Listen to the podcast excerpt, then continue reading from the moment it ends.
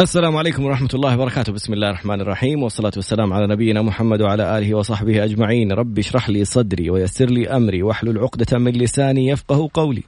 اللهم اجعلنا من الذين هدوا إلى الطيب من القول وهدوا إلى صراط الحميد. اللهم علمنا ما ينفعنا وانفعنا بما علمتنا وزدنا. يا رب علما. عسى أن يهديني ربي لأقرب من هذا رشدا. على الله توكلنا. ربنا آتنا الحكمة وفصل الخطاب. ربنا آتنا رحمة من عندك وعلمنا من لدنك علما. إنا إن شاء الله لمهتدون. اليوم يعني اقتراحات السيد أحمد السقاف. هذا الإنسان الجميل الإنسان الأعمى ذو البصيرة. يعني أحمد شكرا جزيلا على كل شيء. على مشاركاتك من أيام الأخبار الإيجابية على الكتب اللي يهدينا إياها ونطلع فيها على الهواء على على اقتراحه لموضوع شخصي بيني وبينه وكذا وكان أول العملاء لأحد المنتجات من فضل الله والآن بدأ الموضوع يأخذ خط آخر تماما. فاليوم اقترح علينا كاتبة كتاب. وما شاء الله مو مو كاتبة كتاب كاتبة أربع كتب عندها أربع أطفال. يعني الكتاب يعتبروا كتبهم كأنهم أولادهم. فأكثر الكتب كان انتشارا وأخذ صدى كبير جدا كان اكتشف شغفك. كثير من الناس يعني بعض الإحصائيات تتكلم عن ناس يموتوا وهم ما هم عارفين نقاط قوتهم ما يعرفوا إيش هدفهم في الحياة ما يعرفوا إيش رسالتهم ما يعرفوا كيف يكتشفوا أنفسهم. وغيرها كتاب كم كتاب ما شاء الله. الكتاب الثاني رحلة الغفران وكتاب معايير جديدة وكتاب استنى شوف أغش الأخير. إيش الكتاب الأخير؟ قفزة وعي. قفزة وعي. أستاذ خلود نحتاجك ترفع المايك وتقربي منه جدا. يعني تتكلمي في, في. أيوه. قولي ألو. ألو. ثاني مرة؟ ألو. لا تحتاجي تقربي أكثر. كمان؟ ديري كده عليكي لفي ال mic. okay لا لا. لفي وجهه كده خليه مقابلك. آه، لا تمام. الناحية الثانية. أي لا من فوق أيوه. من فوق. أيوه. لا من فوق من السلك نفسه. يعني كل التعديلات على الهواء ما شاء الله؟ عمودي الله يسعدك لفلها كده. أيوه. أيوه تمام. ممتاز. قولي ألو. ألو. صوت واضح؟ نسأل ما شاء الله الناس. طيب خلود كيف كانت البداية؟ أول شيء تعرفينا عليك إيش تخرجك إيش سر موضوع الكتاب كيف طلع الكتاب الأول؟ كل مرة من أي... يمكن قبل سنة ولا سنتين الأستاذ علي بالحسن الله يذكره بالخير قال لي متى نشوف كتابك؟ واقول له إن شاء الله بس هذه إن شاء الله طولت. فما شاء الله تبارك الله اليوم ما عندك كتاب ولا اثنين ولا ثلاثة ما شاء الله لا قوة إلا بالله أربعة كتب. إيش السر؟ كيف كانت البداية؟ مين خلود؟ كيف بدأت البداية؟ تفضلي. أول شيء بسم الله والصلاة والسلام على رسول الله سيدنا محمد وعلى آله وصحبه أجمعين. آه أنا ما كان في بالي ابدا إني أكتب كتب. مرة ما كان في البال. آه أول شيء أنا خلود بعد رحمن. تخصصي علم هي الوحيدة اللي كان. واو. الظاهر إنه في مشكلة في الصوت بيقولوا الصوت بعيد. طب نجرب المايك الثاني الله يسعدك. تجينا على ناحيه ثانية سامحيني. حيغير الكاميرات ويغير الله يعينك عمو. طيب كده؟ تمام. آه ممتاز. فرق صح؟ حتى أنا هنا سمعت صار واضح. طيب خلود عشان لو آه، كان الصوت بعيد في في الفقرة الماضية.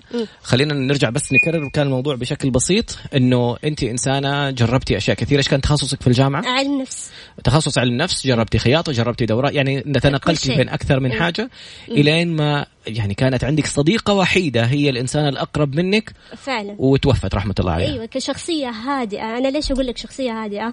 لأنه لا يعني ممكن كثير يسمعوني يقولوا ممكن هي شخصيتها كذا. لا أنا شخصية هادئة خجولة جدا.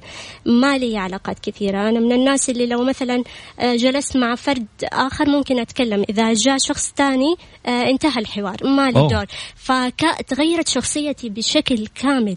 فلما حصل الألم هذا وحصل إنه صديقتي توفت صار في فراغ كبير. مم. أنا ماني لاقية نفسي. أنا لازم أغطي على هذا الألم وأخرج للناس بشكل آخر. ولازم أشغل وقتي كمان. مهم. فكنت بس عشان قدمي شوية عشان ما شاء الله في حركة خلفك أيوه. عشان عشان أغيب عن هذا الأمل فأنا أشغل الألم عفوا أشغل نفسي بشكل كبير. جميل. فدخلت قاعة صوتية مرة من المرات. وسمعت دورة تدريبية. أنا ما كنت أعرف إيش يعني دورات إيش يعني مدربة إيش ما كنت أعرف ولا شيء من هذا القبيل. فقلت إنه طيب أنا ممكن أشارك بمداخلة. قالت لي طيب. بعد ما شاركت قالت لي أنت مشروع مدربة ناجح. واو. قلت لها إيش يعني مدربة أصلا؟ ما هذه مين. اللي قالت لك؟ المدربة نفسها. المدربة نفسها. طب اسمحي لي بوقفة. أنا أبغى احاول إنه في كل نقطة نشوف منها درس تستوقفنا ونطلع منها نتيجة. تمام. من أهم النقاط اللي تكتشف فيها نفسك أحيانا تكون آراء الناس فيك. لما يقولوا واو أنت فنان أنت خطاط أنت صوتك حلو أنت عزفك حلو أنت يعني أي شيء أنت جالس تعمله أنت طبخك حلو أنت أي شيء أي موهبة الناس بيقولوا لك فيها أنت أنت أنت مميز في النقطة هذه على طول ابدأ ركز فيها. لا تجلس تسوي مكسوف ولا ولا تجامليني ولا بالعكس هذه ممكن تكون نقطة انطلاقة فعلا بالذات إذا تكرر من كم شخص. الله جميل. إذا تكرر من كم شخص فهذا أعرف إنك شيء مميز أنت. فقلت لي أنت مشروع مدربة ناجح إيش يعني مدربة أصلا؟ أنا ما بعرف. قلت لي يعني تعطي دورات تدريبية في مجالك. أنت إيش مجالك؟ أنا مجالي عن نفس قلت لي يعني أنت ليكي أصلا في تطوير الذات وليكي في الأمور هذه؟ فقلت لها طبعا أنا من المتوسط وأنا أقرأ في تطوير الذات. فبدأت أفكر جديا. النقطة رقم اثنين. الشيء اللي تكون شغوف فيه دائما تلاقي نفسك بتهتم فيه بتهرب له وقت فراغك بتقرأ في المجال هذا بتسمع له بتحضر له. هذه نقطة ثانية. الشيء اللي تهرب له وقت فراغ. حنجمعهم بعدين في النهاية ونقول إحنا جمعنا أربع نقاط. هي النجاح والفطرة والنمو والاحتياج. حنرجع نشوفها كيف جالسة تتجمع لوحدها في قصة خلود. تفضلي خلود. وبعد كده آه، جلست أفكر. طبعا أنا بعد ما خرجت أصلا من الجامعة أخذت على نفسي عهد إني أتحمل مسؤولية أحلامي. الله. أبغى أستقل بنفسي. الوالد ما قصر درسني في جامعة أهلية آه، مش جامعة حكومية فأحسه تعب علي مرة كثير. م. فأخذت عهد على نفسي إنه أنا خلاص مسؤولية أحلامي أنا أنا اللي متكفلة يعني فيها. مسؤولية أحلامك؟ آه أي شيء أنا أحلم فيه أنا حفكر كيف أشتغل كيف ألاقي نفسي وأحقق ذاتي من خلال عملي. فكان هذا الموضوع هاجس لدي بشكل كبير جدا. م. يعني لدرجة إنه بروح أفكر في كل مكان كيف أختلق فرصة. أبحث عن فرص كثيرة. يعني توصل لدرجة إنه مثلا أروح المكتبة أطالع في المكتبه الاقي ناس متجمعين أسأل الكاشير إيش عندهم متجمعين؟ يقول لي اشتروا تلخيصات إنجليزي عندهم مشكلة في الإنجليزي. فأقول له وريني التلخيصات هذه. آه يوريني هي أقول له طب أنا ممكن أعمل لك هي بطريقة أفضل. واو. فأفكر بهذه الطريقة ما شاء الله. وحاولت قدر الإمكان إنه أنا أبدأ أعتمد على نفسي. درس آخر. 80% من احتجا... من احتياجات الناس ليست موجودة في مشاريع. 80% يعني الآن اللي أنت شايفها الخدمات كلها هذه في هذه هذه 20% فقط. أقل من الربع. في فرص كثيرة. شوف احتياجات الناس. شوف الناس يشتكوا من إيش. شوف الناس يدوروا على إيش. إذا شفت الناس متجمعين يدوروا على ملخصات إنجليزي ولا على طريقة لتدريس إنجليزي تعال أنت وفرها بطريقة مختلفة زي ما تفضلتي. إيش سويتي؟ كيف عملتي في الإنجليزي؟ آه جبت له ملخصات أو بد... رحت البيت أول شيء. أنا ماني عارفة إيش أسوي. ما عندي المناهج أصلا. فتحت موقع الوزارة في ذاك الوقت. طلعت المناهج. بدأت أعمل ملخصات. أنا شاطرة في عملية التفصيل وكذا والشرح. عملت له ملخص كبير عن كيف كيف الطالب يقدر يفهم القواعد بدون ما يتعب. ما شاء الله. رحت المكتبة. قلت له هذه هي جاهزة بعد أسبوع. قلت له كم تأخذ فيها؟ قال لي طالع فيها قال لي 40 ريال. ما شاء الله ياخذ على الكتاب الواحد الملخص. على الملخص 40 ريال يعطيني وبعدين آه، يطبعها وهو يبيعها تقريبا ب 30 فكان طيب ثانية عشان هذا دخلنا في العرق. انت بعد أحمر وأنا بسنبل واحدة واحدة. الآن انت اديتي له الملخص بكم؟ أعطيته ب 40 ريال الملخص. هو أنا ماني مستفيدة لكن الفكرة كانت كلها هو جالس يبيع الوحده ب 30 أيوه. أنا وانت مرة واحدة بعتي فعلا فعلا. كيف يعني؟ يعني بس اداك 40 ريال. فقط. فأنا في وهو جالس يبيع الواحده ب 30 نعم. لا مرة ما أنت حضرمية. ها في ذاك الوقت أه. أنا فكرتي فقط أثبت لنفسي إنه أنا أقدر. ما كان كنت أطالع لأي شيء إلا أثبت لنفسي ترى أنا أقدر. هذا جميل. طبعا بعد ما تخرجت من الجامعة. تقريبا في 2009 كيف صارت مبيعات الموضوع؟ آه الموضوع خلاص هو بيعة واحدة.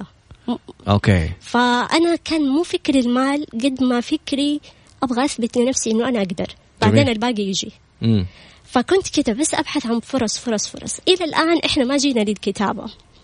هذا كله تقريبا من 2000 بعتيه على مكتبة واحدة؟ على مكتبة واحدة. طب اسمحوا لي بس عشان هنا ضرب العرق شوية. الفكرة إنه في دورات لازم نعرفها ونحضرها ونتعلم منها. مثلا زي دورات التفاوض. أيوه. وأخذناها في حلقة من الحلقات. دورات التفاوض ما تقولي إيوه أنت بالذات دحين بعد القصة هذه لسه أنا أرجع من الملاحظة إنه هذا كله قبل عالم التدريب قبل عالم آه، الكتب. أوكي. هذا في مرحلة البحث عن الشغف فقط. ممتاز. إن... فهذه النقطة مرة ثانية يمكن زي ما تفضلت إنك ممكن تعمل عينة من شغلك وتشوف قبول الناس عليه. م. آه، يعني أشكرك على النقطة هذه. لكن في نفس الوقت ممكن بكل بساطة تدرس السوق. يعني كيف تدرس السوق؟ ترى ما هي كلمة تخوف الناس يقول والله دراسه السوق وما لا بكل بساطة تسأل باقي المكتبات. بكل بساطة ممكن أروح لمكتبات ثانية بنفس النسخة اللي أنا سويتها وأبيعها على باقي المكتبات ب 40 40 40 40 إذا كان هذا السعر أساسا يعني ممكن تلاقي السعر الناس بتأخذه منك ب 100 200 لأنه هو من بيعتين ولا ثلاثة بيعات ملخصات جاب سعر التكلفة حقته والباقي كله أرباح له. فأنت تشوف الناس بكم بتبيع. التسعير ثلاثة أشياء سريعة عشان الموضوع غير الموضوع حق الحلقة. benchmark يعني أشوف الناس كم بتبيع وكيف ممكن أسوي زيهم أو أقل منهم شوية أو أكثر منهم شوية حسب أنت إيش حاطط شيء مميز في منتجك. النقطة الثانية هي يسموها cost plus كم كلفك؟ تضيف عليه فوق سعر التكلفة. يعني كلفك ورق كلفك تغليف كلفك وقت. هذا الشيء تضيف عليه سعر التكلفة. بعدين نحسب كيف أتكلف كيف أحسب سعر تكلفة وقتي. آخر حاجة وهي أغلى حاجة يسموها مونوبولي لما بتعمل شيء ما في أحد بيعمله غيرك. هنا تحط السعر اللي أنت تبغاه. تفضل في مرحلة البحث عن الشغف راح تقدم تنازلات مرة كثيرة. مم. من ضمنها هذه. أنا قدمت تنازلات مرة كثيرة يعني وأعرف أنها ضبط حقي لكن في المقابل حصلت على أشياء أكثر. فهذا كله في فترة تقريبا من 2009 ل 2011 هذه فترة تجارب عميقة جدا. في 2011 آخر 2011 آه، تقريبا هذا الموضوع اللي حصل اللي قلت لك لقيت الشخصية. طبعا آه، هذه كلها الفترة ألم طبعا من 2008 9 10 11 وانت وحيده بعد فقدان صوت ألم. فعلا كان يعني كنت أحاول إني أبغى أنسى. ودائما الألم وراءه حكمة. سبحان الله. ف في 2011 آخرها جات المدربة هذه اللي قالت أنت مشروع مدربة ناجح. مم. فأنا ما كنت أعرف إيش يعني تدريب. فزي ما قلت لك أنا أخذت على نفسي يعني عهد إنه أتحمل مسؤولية أحلامي. فكرت قلت لها طب كيف أصير مدربة؟ قالت لي في دورة ممكن تلتحقي فيها وكان في دكتور آه، جاي من جامعة الإمام محمد بن سعود ويعطي دورة كان في في جدة كان جاي من الرياض. تدريب مدربين. أيوه. فأخذت الدورة هذه. أخذتها وأنا يعني جلست آه، أجمع, أجمع المبلغ في ذاك الوقت بخمسة آلاف كانت. واو ما شاء الله. يعني كان تجميع المبلغ هذا قصة كمان لوحده كيف جمعتي؟ آه والله شوف أنا اشتغلت فكرت في مشاريع عملت أشياء كثيرة. أنا كاتبة حتى في تويتر thread كامل عن سيرتي. يعني في له أشياء كثير تضحك. لكن محاولات. يكفي إنها محاولات. مم. يعني ما في شيء جربته عطور جربتها. آه خياطة شنط صغيرة جربتها. آه في أشياء بسيطة جدا بس تحدث فارق. لما مم. تفتكر بداياتك مرة تنبسط في 2012 تحديدا أنا بدأت بقوة في عالم التدريب. وفعلا اكتشفت بعد ما أخذت دورة تدريب مدربين أيوه مم. اكتشفت إن هذا شغفي بشكل كبير جدا في الفقرة القادمة أبغاك تقولي لي إيش يعني اكتشفت إنه هذا شغفك؟ إيش الدلالات اللي لما سويتي الشنط وسويتي عطور وسويتي ملخصات وسويتي ما شاء الله هذه كلها الأشياء، هذه في الجينات على فكرة شكلها أيوة. بس في الفقرة القادمة أبغى أعرف كيف عرفت إنه هو ذا الشيء اللي أنا شغوفة فيه وممكن أكمل فيه حياتي ممكن أبدع فيه. وعندك ما شاء الله تبارك الله أربع منتجات كلها نوعا ما تصب في نفس هذا الشغف. بعد قليل نتابع. تعلم ممن سبقك. ابدأ حيث انتهى الآخرون. لا تضيع وقتك تتخبط تدور.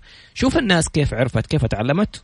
وانطلق. عدنا مرة أخرى مع كاتبة الكتاب اكتشف شغفك الأستاذة خلود بادحمان تنقلت طبعا في البداية كان عندها صديقة وحيدة وتوفيت هذه الصديقة. فعاشت فراغ كبير وألم حاولت تشغل نفسها جربت أشياء كثير خياطة عطور ملخصات صارت تشوف في النهاية قالت أنا أبغى أتحمل مسؤولية نفسي من بعد ما والدها استثمر فيها في التعليم في في جامعة أهلية أو كلية أهلية. أخذت على عاتقها إنها تتحمل مسؤولية نفسها. سوت ملخصات وراحت لأحد المكتبات شافت الناس متجمعين. التجمع يعني احتياج كبير. سوت شافت الناس محتاجين ملخصات لغة إنجليزية سوتها بطريقة مختلفة. باعتها بسعر زهيد جدا والمكتبة بتبيع النسخ بسعر يعني بيطلعوا أرباح أكبر بكثير. بس على الأقل أثبتت لنفسها إنها تقدر تعمل شيء وتدخل منه فلوس. بعدها اشتركت في في دورة تدريبية عن طريق الاونلاين صح؟ لا لا لا. إيش كان؟ رحت آه حضور. حضور. جميل. فالمدربة قالت لها كلمة مهمة جدا قالت لها انت مشروع مدربة ناجحة. لما أحد يقول لك شيء وتكرر عليك من أكثر من شخص اعرف إنه هذا الشيء ممكن يكون رسالتك. المرة الأولى م. اونلاين أيوه الحضور. لكن دورة تدريبية قصدي تدريب آه تدريب المدربين أيوه حضرته مباشر. هي قالت لك آه، انت هذيك كان اونلاين هذيك اونلاين قالت لك أنت مشروع مدربة ناجحة. قلت لها إيش الخطوة القادمة؟ وهذه نقطة مرة مهمة. اسأل الشخص اللي نجح قبلك قل له كيف أنا ممكن أنجح. قالت لها في شخص جاي من جامعة الإمام يدرب دورات تدريب مدربين. احضريها الدوره تكلف 5000 ريال صنعت المستحيل دبرت الفلوس. وحضرتي فيها. كيف كان؟ وبعدين قلتي إنه اكتشفت إنه هذا شغفي. كيف كان هذا شغفك؟ أنا الآن ما أبغى أقاطعك بصراحة. خليك كذا خذي راحتك. حنوقف في الفواصل بس الإعلانية ونرجع نكمل. أبغى أسمع. طيب أنا لما بدأت أخذ الدورة آه بعدها شعرت إنه هذا الشيء الوحيد اللي أنا لاقي نفسي فيه. فعلا لما أبدأ أدرب أنا أنسجم. بأنسى نفسي بأنسى العالم. الشخصية الخجولة تتحول لشخص آخر. واو سبحان الله. ففعلا الشغف لما بتلاقيه بتلاحظ إنه يعني يعني أنت خرجت من قالبك لقالب آخر. الله. مو أنت مو أنت. بتسهر ممكن وقت طويل وبتحس الوقت مو هو الوقت. ما بتتعب. ممكن تدرب كم ساعة ما بتتعب. تشعر أن عندك طاقة أكبر من الطاقة اللي تستثمرها في أماكن ثانية. فعليا فعليا تشعر يعني مو أنت. أنت شخص آخر لما تكتشف شغفك. العمل هذا تستمتع فيه تنسى نفسك تنسى اللي حولك تنسى كل شيء. فتبدأ في هذا الشيء وتشعر أنه كمان حتى الناس مستمتعين معك لأنك منسجم مع شغفك. مستم... منسجم يعني مع العمل اللي أنت قاعد بتسويه فحتى الناس يبدأوا يستمتعوا معك. فهنا أنا عرفت هذا شغفي. هذا اللي أكد لي أنه هذا شغفي. أنه بدأت يعني من شيء لشيء من شيء لشيء. أدخل يعني من دائرة لدائرة أخرى أنتقل بسلاسة. بسلاسة يعني ما في تحس إنك ماشي كذا يعني بمرونة. كل ميسر لما خلق له. فعلا وكل ميسر لما خلق له. هذه فيها معاني ترى. إنه ترى أنت لما تكون يعني الشيء اللي أنت ميسر له حتلاقي نفسك تنسجم وتمشي بيسر وسهولة. فهذا اللي لفتني إنه أنا كان واحد يعني ميسرني للموضوع. فكانت كل أموري في التدريب تتيسر. فمشيت. إلى الآن ما وصلنا للتأليف. ابدا. في 2014 مهندس معتصم كتوعة في تويتر آه كان مبتعث ورجع من الابتعاث. فكان عنده شغف اللي هو شغف الترجمة. جميل. يمسك مقالات يترجمها. أنا كنت على تويتر في, في هذيك الأيام وكنت يعني آه تقريبا لي سنتين أو سنتين ونص في التدريب. فنزل مقالة لسكوت آه سكوت دانسمر هذه المقالة 27 سؤال عن الشغف. واو. فقط 27 سؤال ما فيها أي كلام آخر. فقط 27 سؤال. لا تحتها كلام لا تحتها إرشادات ولا تحتها ولا شيء. أنا مسكت الأسئلة هذه وبدأت أكتشف شغفي. لقيت إنه صحيح شغفي التدريب. هل استخدمتيها في كتابك ال 27 سؤال؟ إيش اللي صار؟ أنا قررت إنه آخذ ال 27 سؤال طالعت كده فيها في في نفس المنشن تبع مهندس معتصم. الناس يسألوه طب إيش معنى ده السؤال؟ طب إيش معنى ده السؤال؟ فقررت إني أكتب شرح لها. الله. على مدى مرة ثانية. نفس الحكاية. احتياجات الناس دليل آخر على أنه أنت ممكن تتدخل إذا أنت عارف كيف توصل هذه المعلومة أو تغطي هذا الجاب الفراغ اللي بيكون موجود. إذا أنت تعرف تعال الناس محتاجتك. فعلا أنت بس محتاج إنك تتلفت يمين ويسار تشوف الناس إيش تبغى عشان تكون يعني تقتنص الفرصة وتاخذها.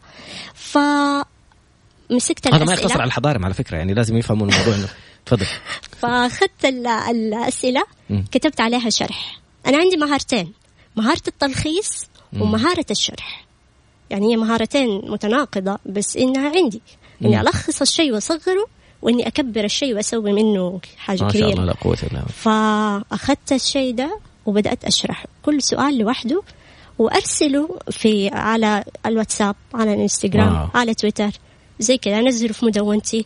كان في ذاك الوقت يعني عندي متى فتحتي مدونة؟ آه فتحت أنا فتحت مدونات يعني.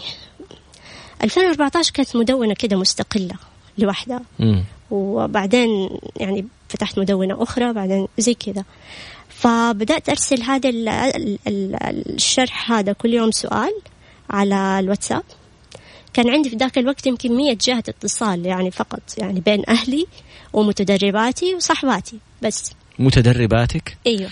متى أول مرة سويتي دورة تدريبية؟ 2011 آخر 2011 نقول بداية بداية 2012 بعد كم شهر من أخذك لدورة تدريبية حق تدريب المدربين آه بعد آه، ترى أنا كنت أقدم دورات تدريبية كذا بس أشياء بسيطة اونلاين مجانية. مجانية أيوه. مم. مجانية. بس كأنه حاجة فطرة عندي موهبة فطرية أطلعها فقط. جميل. كخدمة أسديها للمجتمع فقط. ما كانت شيء يعني مم. مقنن ومرتب ومنظم.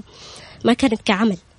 بعد كده آه بعد ما نشرت الأشياء هذه والمقالات تبعي الصغيرة صاروا في ناس يرسلوا لي يقولوا لي ليه ما تحوليها كتاب؟ الله. أول مرة سمعت هذه الكلمة يعني تجاهلتها بصراحة. إيش مم. إيش الكتاب؟ يعني أنا ماني شايفاها أصلا حاجة كبيرة عشان أحولها لكتاب. قلت ما أبغى أقاطعك بس هذا الموضوع مرة مستفز. مم. كثير من الناس الناجحين المبدعين الرائعين هم عشان هذا شغفهم ما هم حاسين إنه شيء مميز.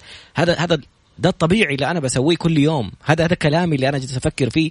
هذا قراءاتي هذه أشياء اللي بعملها. هذا اللي أنا النتائج اللي وصلت لها. لما يجي أحد يقول لك حولوا كتاب ولا سوي دورة ولا سوي لقاء ولا سوي شيء الناس يعني أنت تيجي تقول لنفسك يعني إيش اللي كتاب؟ إيش اللي أسوي دورة؟ إيش اللي أسوي؟ بعدين تكتشف إنه فعلا لما يتكرر مرة ثانية يتكرر معك الموضوع. أي بتكرر لما تكرر أنا في ذاك الوقت قلت خلاص يعني ما بدهاش. الله لازم لازم إنه أركز وأفكر جديا. مم. كيف يا خلود حتنشري هذا الكتاب؟ هذه قصة أخرى. مم. هنا أنا بحثت بحثت عن دور نشر وكانوا يطلبوا مبالغ فلكية. مبالغ مرة كبيرة يعني. ككاتب مبتدئ ما حد حيتبناك طبيعي. مم.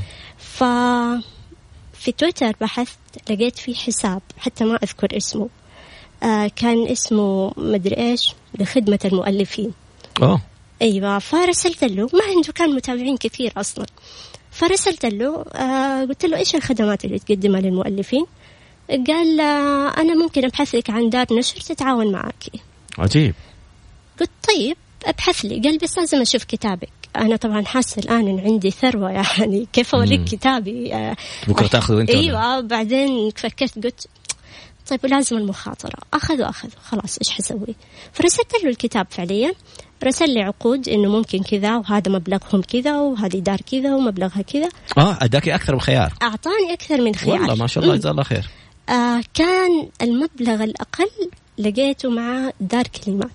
دار إيه؟ دار كلمات. كلمات، اللي, اللي هي أوكي. الناشر لجميع كتبي. مم. آه بعدها قلت لهم طيب تراسلت مع دار كلمات وأنا أتساءل يعني إيش حتستفيد؟ بالضبط إيش؟ حتستفيد؟ مم. يعني قال والله ما حستفيد شيء، أنا بس أقدم هذه كخدمة إنسانية وخلاص، والله بس فقط. الله يجزاه خير فقدمتها إيش حسابه هذا؟ فاكره حسابه في تويتر؟ أتوقع مو موجود الآن. أتوقع مو موجود. مم. إذا ما خاب ظني ماني فاكرة والله الاسم، جميل. بس أتوقع إنه مو موجود، اختفى، قدم الخدمة هذه واختفى. كأنه جاي ليكي. أيوه فعلا. فبعدين آه تواصلت مع دار كلمات. دار كلمات رحبت. لكن كان المبلغ برضو كبير شوية. درست الموضوع مع نفسي. آه قلت هل أنت مستعدة للمخاطرة؟ ممكن الكتاب ما ينجح.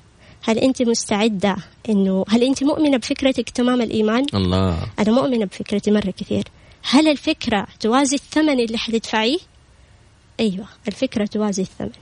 كم ف- الثمن تقريبا؟ تقريبا سبعة آلاف. أوكي. سبعة آلاف تقريبا على ألف نسخة فقط. أوه. أيوة. أنا أنا حتى في اليوتيوب منزلة تقريبا 40 دقيقة عن التأليف من والله. الفكرة إلى النشر. جميل. كل واحد يبغى يألف هذا المرجع. أرجع لهذا الشيء. إيش كتبتي العنوان حقها في اليوتيوب؟ آه كيف تؤلف كتابا؟ ما شاء الله لا قوة إلا بالله. طيب. ف قلت طيب أنا مستعدة تحمل التكاليف. فتحملت التكاليف كاملة. آه أول ألف كتاب بسرعة نفذت. ما شاء الله. فدار كلمات. فين باعت؟ آه أول من باعت كانت في السعودية والكويت. لأنه إيش طريقة البيع؟ يعني فين القنوات اللي كنت تبيع فيها؟ هم دار النشر عندهم مكتبة. آه والله. أيوه. وكتبهم موجودة في جرير. مم. فعندهم تعاقدات هم. مهم. وكانوا يشتغلوا أونلاين كمان. إنه تطلب الكتاب أونلاين. فبعد كذا دار كلمات تبنتني بالكامل. ما شاء الله لا قوه أيوة تبنتني بالكامل تبنت كتبي القادمة وكل حاجة. والله. ف مع يعني كل ما أقول ما أبغى أقاطع ماني قادر أسيب الموقف. لكن حقيقة شوف البدايات دائما كيف ممكن تقدم من عندك. تبدأ بنفسك وبعدين شوف كيف. التبني وري الناس دائما نموذجك. وري الناس مثال. وري ذوق الناس أكلتك. خلي الناس يشوفوا إيش اللي أنت بتعمله. لا تقول لهم عندي فكرة. وريهم شيء ملموس. عشان على اساسه يشوفوا وغامر معاهم في البداية شاركوا المغامرة. أنت حمستيني على شيء كان جايني وأنا كنت متخوف الحين شجعتيني. تفضل. هو فعلا أنت لازم تجازف. يعني أمس كنت أقول لمتدرباتي في مكتبة الملك فهد أقول لهم ترى كأنه عندك صينية بسبوسة. 10% من البسبوسة لازم تدوق الناس. الله. 10% من مهاراتك وقدراتك لازم تدوقها الناس. امم قدمها مجانا. قدمها مجانا. حتى لما نروح نشتري بقلاوة ولا نشتري أي شيء؟ يدوقك. خلاص إذا ذقتها خلاص. زي كذا. وري الناس ادفع. لازم تدفع في البداية. في ثمن. ثمن ممكن وقت ممكن مال ممكن أشياء كثيرة الثمن. ف بعدها خلاص طلع الكتاب. بعدها أنا فكرت هنا أعمل اكتشف شغفك كبرنامج. الله. دورة تدريبية. اكتشف شغفك. فين وصلت؟ وصلت في 2015 تقريبا. جاتني دعوة في جامعة عفت ما شاء الله. قدمت هناك اكتشف شغفك. آه وأنا واقفة أقدم اكتشف شغفك. حسيت الزمن توقف فجأة إنه أنا كان عندي حلم زمان إني أكون محاضرة في الجامعة. الله. ونسيت هذا الحلم. مع الحياة مع التخصص مع أشياء كثيرة معيقات. أحيانا أنا نسيت حلمي. فوأنا واقفة فجأة كذا الحلم قدام عيوني. سبحان الله. يا الله أنا كنت أبغى أكون محاضرة في الجامعة بس ما كنت أقول كيف. كنت أبغى فقط فقلت إيوه أنا هذا اللي يناسبني. يناسبني أكون محاضرة لكن حرة مو مقيدة بقيود. مو براتب أيوة. ودوام. أيوه. وجاكي الشيء اللي كنت تحلمي فيه بطريقة أحسن مما كنت تحلمي فيها. فعلا. ف حسيت يعني شعور يعني أنا ما ما أبالغ لو قلت توقف الزمن في ذاك الوقت. فاحلموا. فعلا فعلا احلم. ولا تقول كيف. احلم واسعى وحتوصل. عجبتني لا تقول كيف. ربك حيسرك ويسر لك. فعلا. سبحان الله. لا تقول كيف. ابدأ واحلم ولا يجي في بالك يعني تفاصيل الحلم بس امشي. هذا كله في 2014 2015 في الفقرة القادمة ماذا بعد تحقيق الحلم بلا تعب وبأجمل مما كانت تتخيل؟ فقرتنا القادمة بعد قليل إن شاء الله. عدنا مرة أخرى مع خلود بدحمان كاتبة أربع كتب وأشهرها اكتشف شغفك. وجالسين نتعلم منها كيف هي اكتشفت شغفها.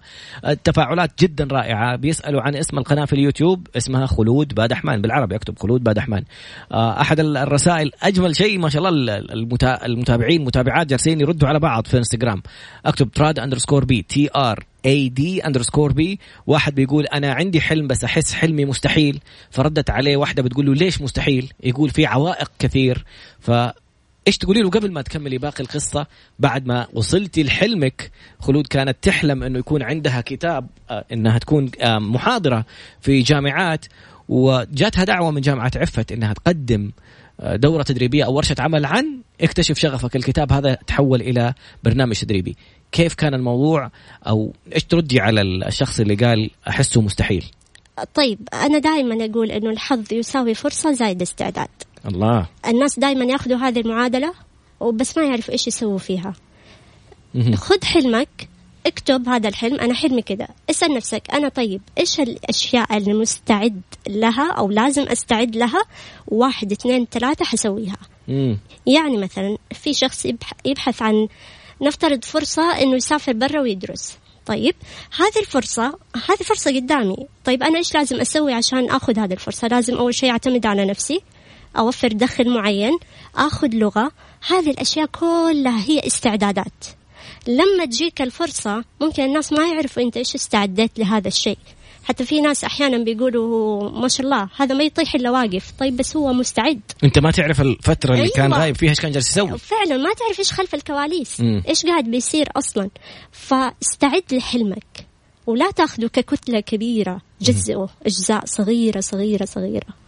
فأنا حلمي صراحة أكون محاضرة عالمية. جميل. ف ما آه، ما أنت شايفة نقابك ممكن يوقف أمامك؟ لا طبعا. جميل جدا. لأنه لا طبعاً. اتسال هذا السؤال في أحد ال- الإيفنتات للمحامي خالد ابو راشد وماجد قروب واحدة قالت لهم في شركة ولا جهة جالسة تفرض علي أني أغير حجابي أو طريقة حجابي. قال لها تمسكي بحجابك وما هو من حقهم يسووا أي شيء ولو سووا لك أي حاجة خذي تعويضاتك خذي حقوقك ولا تتنازلي عن مبادئك. فعلا في قيم جوهرية. الإنسان إذا مسك بقيمه الجوهرية وما لقى له منفذ هنا ممكن يلاقي له منفذ في مكان آخر. الله. أهم شيء إنك تكون متصالح مع نفسك. جميل. مش تفقد قيمتك ال- الجوهرية وبعد كده تروح مكان أوكي أنت حققت حلمك لكن ما أنت متصالح مع نفسك. مم. هي قضية مو بس إنه نحقق حلم وخلاص. مهم. هل أنا حوصل متصالحة ولا لا؟ محافظ على قيمي؟ محافظ على قيمي لأنه إذا فكيت القيم اللي عندي مهما كانت قيمك. ما حتوصل مبسوط. هي الله. الفكرة إنه نوصل مبسوطين. جميل. فإيش ما كانت قيمك؟ الجوهرية المهم توصل مبسوط. راضي عن نفسك. الحظ هو فرصة أتت لشخص مستعد. نتابع بعدها. إيش سويتي في بعد عفت أيوه بعد جامعة عفت إيش سويت؟ كملت في مشواري التدريبي. كان في ذاك الوقت أنا ما عندي إلا فرص محدودة. يعني مثلا أنا ما أقدر أروح أي مكان لأنه مواصلات مواصلات آه، قبل ستة أو سبع سنوات كانت مرة صعبة. مم. مش زي الآن. فكنت ما أقدر أروح أي مكان والوالد الله يحفظه. يعني دائما يقول لي يا بنتي يا بنتي إيش تبغي بهذا الشيء؟ يا بنتي تعرف قلق الوالد مم. عليك. فكنت أقول طيب خلاص أنا حاعمل من البيت. فكنت أقدم أونلاين وأنا ماني حابة لكن إرضاء للوالد فقط. فقدمت هذا الشيء. أونلاين عملت دورات تدريبية أن- ركزت على تويتر بشكل كبير ركزت على ال social media. أنا لازم في هذا الوقت نعرف في ال social media. وصراحة في كلمة غيرت حياتي. الكلمة هذه هي إنه في سيدة مصرية قابلتها. قالت لي مرة قعدت أتكلم معها وإنه أنا حلمي كده وحلمي كده بس إنه آه ما عندي القدرات والإمكانيات الحالية ال- ال- الكاملة يعني حاليا. فقالت لي عبارة مرة حلوة. مم. قالت لي استخدم المتاح علشان ترتاح. الله. ف... هذا رد لي اللي يقول حلمي حاسه مستحيل. أيوه. ففعلا أنت فكر اليوم بإمكانيات اليوم لكن قدامك في واقع حيتغير. مم. يعني أنا دائما أقول اللي كان ممنوع الأمس صار مسموح اليوم. واللي ممنوع اليوم حيصير مسموح بكرة. القدرات اللي ما كانت عندك الأمس حتصير اليوم مع الممارسة والتدريب. بكرة في قدرات أكثر إذا مارست اليوم أكثر وأكثر. الله. فلا تركز على اليوم ترى كله بيتغير الحياة أصلها متغير. فلا تركز أصلا على اليوم ركز إنك إيوة تشتغل في اللي عندك الآن لكن لا تحط في بالك إنه هذا الواقع هو الواقع المحتوم عليك خلاص ما حيتغير. لا لا حيتغير. لأن أصلا الحياة متغيرة. فمن بعد استخدم المتاح علشان ترتاح أنا ارتحت مرة كتير. فصرت أي حاجة عندي قدرة إمكانية بدل ما أنا أفكر في المفقود صرت أفكر في الموجود. أنا عندي لابتوب عندي الحمد لله حضور عندي تأثير آه ال- ال- ال social media كان دوبه طلع في تقريبا 2014 كان في أوج ازدهاره. فقررت أستثمر هذا الشيء. اليوم الحمد لله عندي 16 ألف متابع حقيقيين. ما شاء الله. فهذه هذه مهتمين في أيوة. محتواك حابين موضوع التطوير لامسين تغييرات في حياتهم. فهذا الشيء يعني أنا أحسه مجهود. فلا تطالع لا تطالع إنه أنا ما عندي إمكانيات اليوم. اسعى لإمكانياتك بكرة لكن اليوم استثمر الموجود. مم. فكانت هذه كلها يعني هذه هذه رسالة لأي شخص يقول حلمي صعب حلمي بعيد ما عندي قدرة ما عندي إمكانيات. ال- القضية يمكن لو بتكلم عنها إنه كيف الإنسان يكتشف شغفه. مم. هذه خليها الفقرة القادمة خلود ورقم لنهايتك خمسة ستة سبعة. جزاك الله خير. حاضر حاضر. يقول لي لو سمحت أسكت أنت خليها تتكلم. يا الله. شكرا شكرا. يعني بصراحة في في دروس رائعة أحب ألاحظها بس خليني بعد كده أخذ النقاط كده أكتبها أحسن. وفي النهاية إذا لقينا وقت ممكن ألخصها ما لقينا وقت خليني أقدر ألخصها في في أماكن ثانية ولا في أوقات ثانية لكن خلينا نعطي الفرصة من جد خلود عندنا نستفيد منها. الآن دورك هي اكتشفت شغفها وعرفت كيف الخطوات تكلمت عن قصتها الشخصية. الآن لو أنت شغفك مختلف يا أخي ما أنت مد- مدرب. أنت لو مدرب شفت الخطوات وسمعت الخطوات. لو ما أنت مدرب لو شغفك شيء مختلف كيف ممكن إحنا نكتشف شغفنا؟ هي نفسها نفسها. أحس هي قواعد. حتى لو شغفك تطلع القمر يعني نفسها هي قواعد. يعني هي أحسها قوانين كونية. مهم. يعني أنت امشي وابحث عن نفسك. حتقول كيف أبحث عن نفسي؟ جرب. مرة اثنين ثلاثة. هذا يزبط معك هذا ما يزبط معك حتخسر وقت حتخسر فلوس حتخسر جهد حتخسر آه، أشياء كثيرة. مرة ممكن علاقات حتى تخسرها. واو. تخسر أشياء كثيرة لكن جرب. جرب جميل. فعلا. الفقرة القادمة. كيف تكتشف شغفك؟ عدنا مجددا مع كتاب اكتشف شغفك والكاتبة خلود بدحمان وباقي أمامنا أحد عشر دقيقة. أستاذة خلود المايك لك تفضلي. طيب كيف يكتشف الإنسان شغفه؟ يكتشف الإنسان شغفه أول شيء من المحاولة والتجربة. أمس كنت في نقاش هل في فرق بين المحاولة والتجربة؟ هي في الحقيقة واحدة. المحاولة هي التجربة. حاول وجرب قدر الإمكان. يعني ما في شيء يعني ممكن تجربه قدامك إلا وجربه. طبعا في حدود الخير يعني. مم. النقطة الثانية ارجع لأحلام الطفولة. كثير من أحلام الطفولة لها رمزيات معينة. يعني مثلا أنا نفسي أصير دكتورة. كثير نسمعها كلنا وإحنا أطفال نفسنا نصير أطباء ومهندسين فقط. مم. فارجع للرمزية. أنت ليش كنت بتصير دكتور مثلا؟ مثلا قضية أنا أبغى أساعد الناس. طيب أنت كيف تقدر تساعد الناس من خلال الأشياء اللي عندك وأنت نفسك تسويها؟ فرمزية الحلم مهمة جدا. إيش الرمزية اللي عندك للحلم اللي تبغى توصل له؟ نقطة ثلاثة. اسأل اللي حولك. أنا شاطر في إيش؟ الله. وكمان خليك فطن إنك تسمع الناس إيش بيقولوا عنك. أنا كان كان عندي صديقات يقولوا انت لما نجيكي وإحنا يعني محبطين بتحفزينا. الله. فكان هذه كمان نقطة حطيتها نقطة كلمة المدربة اللي قالت لي انت مشروع مدربة ناجح وبدأت أجمع النقاط. فكرة كمان أخرى عشان تكتشف شغفك شوف فواتيرك. فواتيرك على إيش بتصرف أنت أكثر حاجة؟ ترى جزء من شغفك يختبئ في اللي تصرف عليه وما تنقهر. مو تصرف وانت زعلان. لا تصرف وانت تنقهر. أنا كنت أروح المكتبه وأشتري كتب كثيره كثيرة جدا وما أزعل إن الفلوس راحت عليها. فجزء من شغفك طالع أنت تشتري كتب إيش كمان؟ فجزء من شغفك اختبئ في تفاصيل بسيطة في الحياة إيش الموضوع اللي لو تكلمت عنه نسيت نفسك؟ إيش الموضوع اللي تحب تتكلم عنه بشكل كبير وتتحمس لما أحد يكلمك عنه؟ في إيش ممكن دائما الناس يجوا يستشيروك؟ هذه كلها الأشياء تكشف شغفك. لكن خليك مركز هي خطوط يعني متشعبة. أنت لازم تلمها كلها في حاجة واحدة. تركيزك هذا حيخليك تعرف إيش شغفك بالضبط. جميل جدا ما شاء الله تبارك الله. يمكن هي زي الملخصة في كلمة sign sign success s من success i من instinct g من growth و n من need بالعربي نجاح فطرة نمو احتياج. الشيء اللي انت ناجح فيه تقدر تتعرف عليه زي ما تفضل أستاذ خلود بطريقتين. انت فين شايف على قولك فين الأشياء اللي انت عارف نفسك ناجح فيها؟ قلتي أنا شاطرة في التلخيص شاطرة في في, في الاختصار في وفي الشرح. بعدين الناس إيش يقولوا لك؟ هذا برضو في نجاحك. بيقولوا لك ملهمة مؤثرة محفزة مشروع مدربة. هذه الأولى. نجي للنقطة الثانية الفطرة. الفطرة الشيء اللي أنا بيروح فيه الوقت وما أحس فيه.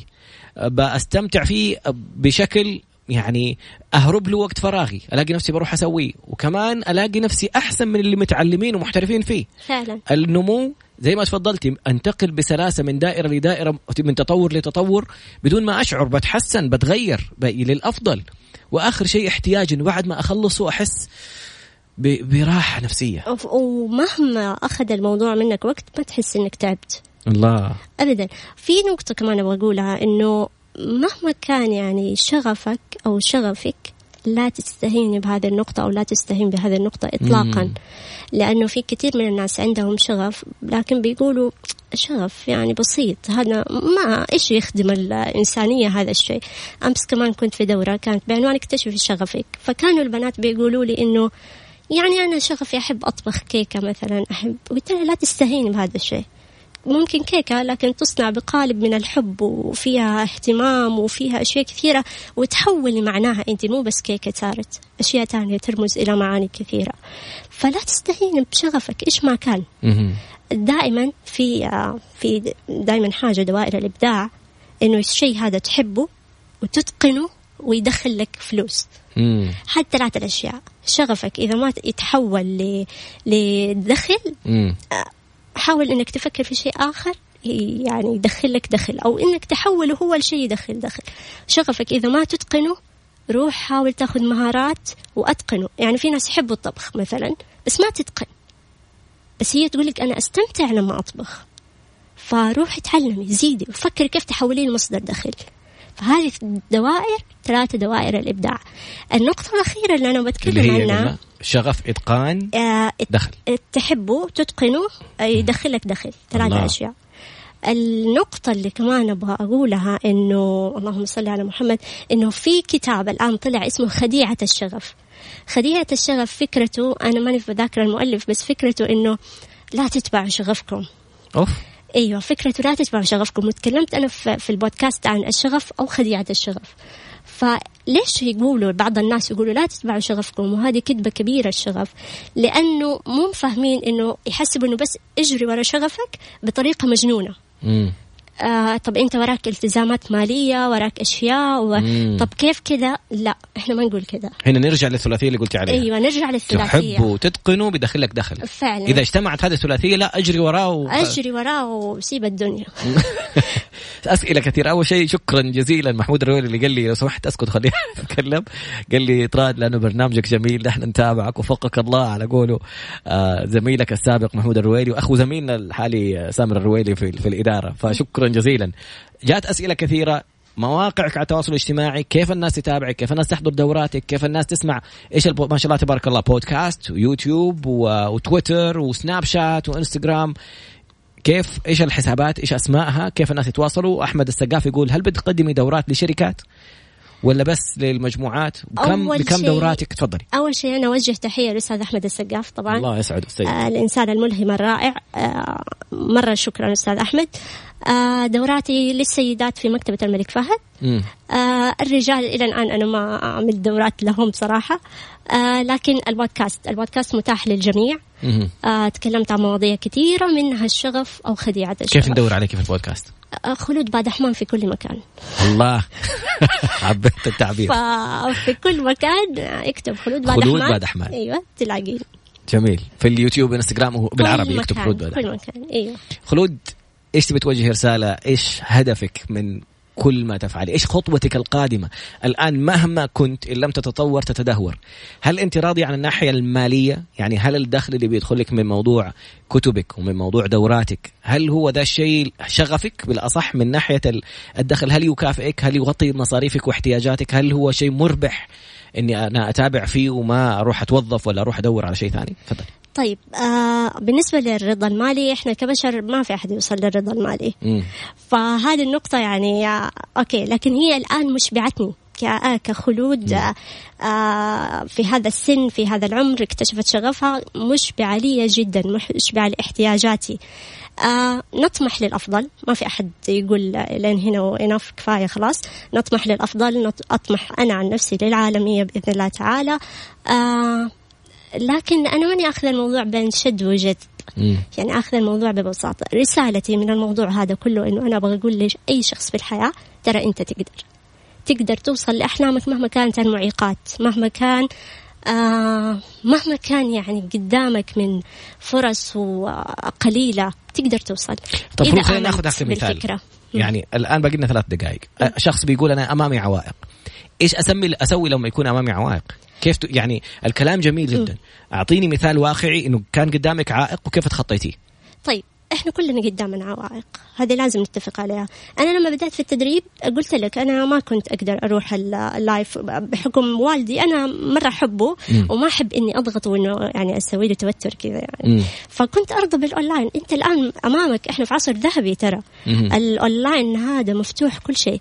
تبى تجارة إلكترونية؟ حتلاقي تجارة مم. إلكترونية.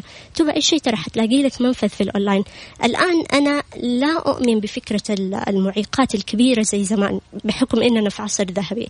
ممكن أنت شايف المعيق هذا لكن ما أنت شايف حل لكن في حل أكيد. ما ما أقدر أقول له يعني حل مباشر لأني ما أعرف إيش حلمه. لكن أكيد في حل. فكر في الموضوع بحسب إمكانياتك ومهما كانت العقبات كبيرة لا تطالع لها كجزء كبير فتتها. تبدأ ابدأ تعامل معها ك كفتات مم. مش ككتلة كبيرة.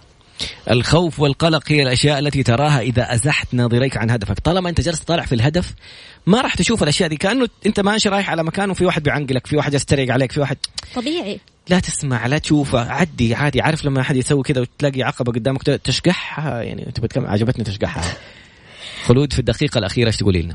آه لا تقول مجرد كلام. يعني إحنا كناس يتكلموا عن تطوير الذات مرة تعبنا من كلمة هذا مجرد كلام. لا فعليا. م. كل إنسان يعيش معيقات. مو كل معيق تقدر إنك تقوله. ترى أنا أواجه هذا المعيق. م. ما تقدر تقوله. لكن ممكن لما توصل لنهاية حلمك تقول والله أنا كنت أواجه هذا المعيق وهذا المعيق وهذا المعيق. لكن قدر الإمكان حاول أنك تصغر من حجم معيقاتك. لا تنظر لها بشيء كبير. وأرجع أقول يعني زي ما قالت لي السيدة المصرية اللي غيرت حياتي استخدم المتاح علشان ترتاح. الله. ذكرتيني بكلمة ثانية. العوائق هي الأشياء التي ستستمتع بالتحدث عنها عندما تتخطاها. يعني نص دقيقة. آه إذا ما كان عندك هذه العوائق لما تيجي تحكي قصتك حيقولوا سوت إيش سويت مم. لكن فعلا. هذه الحبكة هذه الدراما اللي تخلي قصتك واو ترى خليتيني أفكر في اللقاء القادم لي يعني حكون متحدث في في أحد المناسبات كنت جالس متردد أقول المشاكل اللي بمر فيها واللي إلى الآن بمر فيها والناس ما تعرف عنها الناس جالسة تشوف بس إيش اللي صاير فين النتائج اللي أنت واصلها فاليوم حتخليني أتجرأ وأحكي عن مواقف الآن بتحصل. ممكن تكون صادمة شوي. وهذه لحظة الإلهام لأن الناس ما بيشوفوا إلا المخرج. مم. لا قول لهم إيش المعاناة؟ يستوعبوا إنه أوه إحنا زيه. لست وحدك. ممكن يكون أحسن مني أساسا. أيوه. سبحانك اللهم وبحمدك أشهد أن لا إله إلا أنت أستغفرك وأتوب إليك. آه، خلود فعلا إنسانة ملهمة إنسانة رائعة. شكرا على المحتوى الرائع شكرا على احترامك وحفاظك على قيمك شكرا على كتبك الأربعة اللي كل واحد فيهم يمثل جزء من شخصيتك. كانت معنا الكاتبة الرائعة خلود بدحمان وكتاب الأول اكتشف شغفك وعندها سلسلة من الكتب الأخرى. كتبها موجودة في كل مكان. أكتب خلود بدحمان في كل مكان. حتلاقيها على البودكاست على اليوتيوب على الإنستغرام على السناب شات على تويتر. في أمان الله خلود. شكرا. شكرا. شكرا أحمد. سقاف. في أمان الله.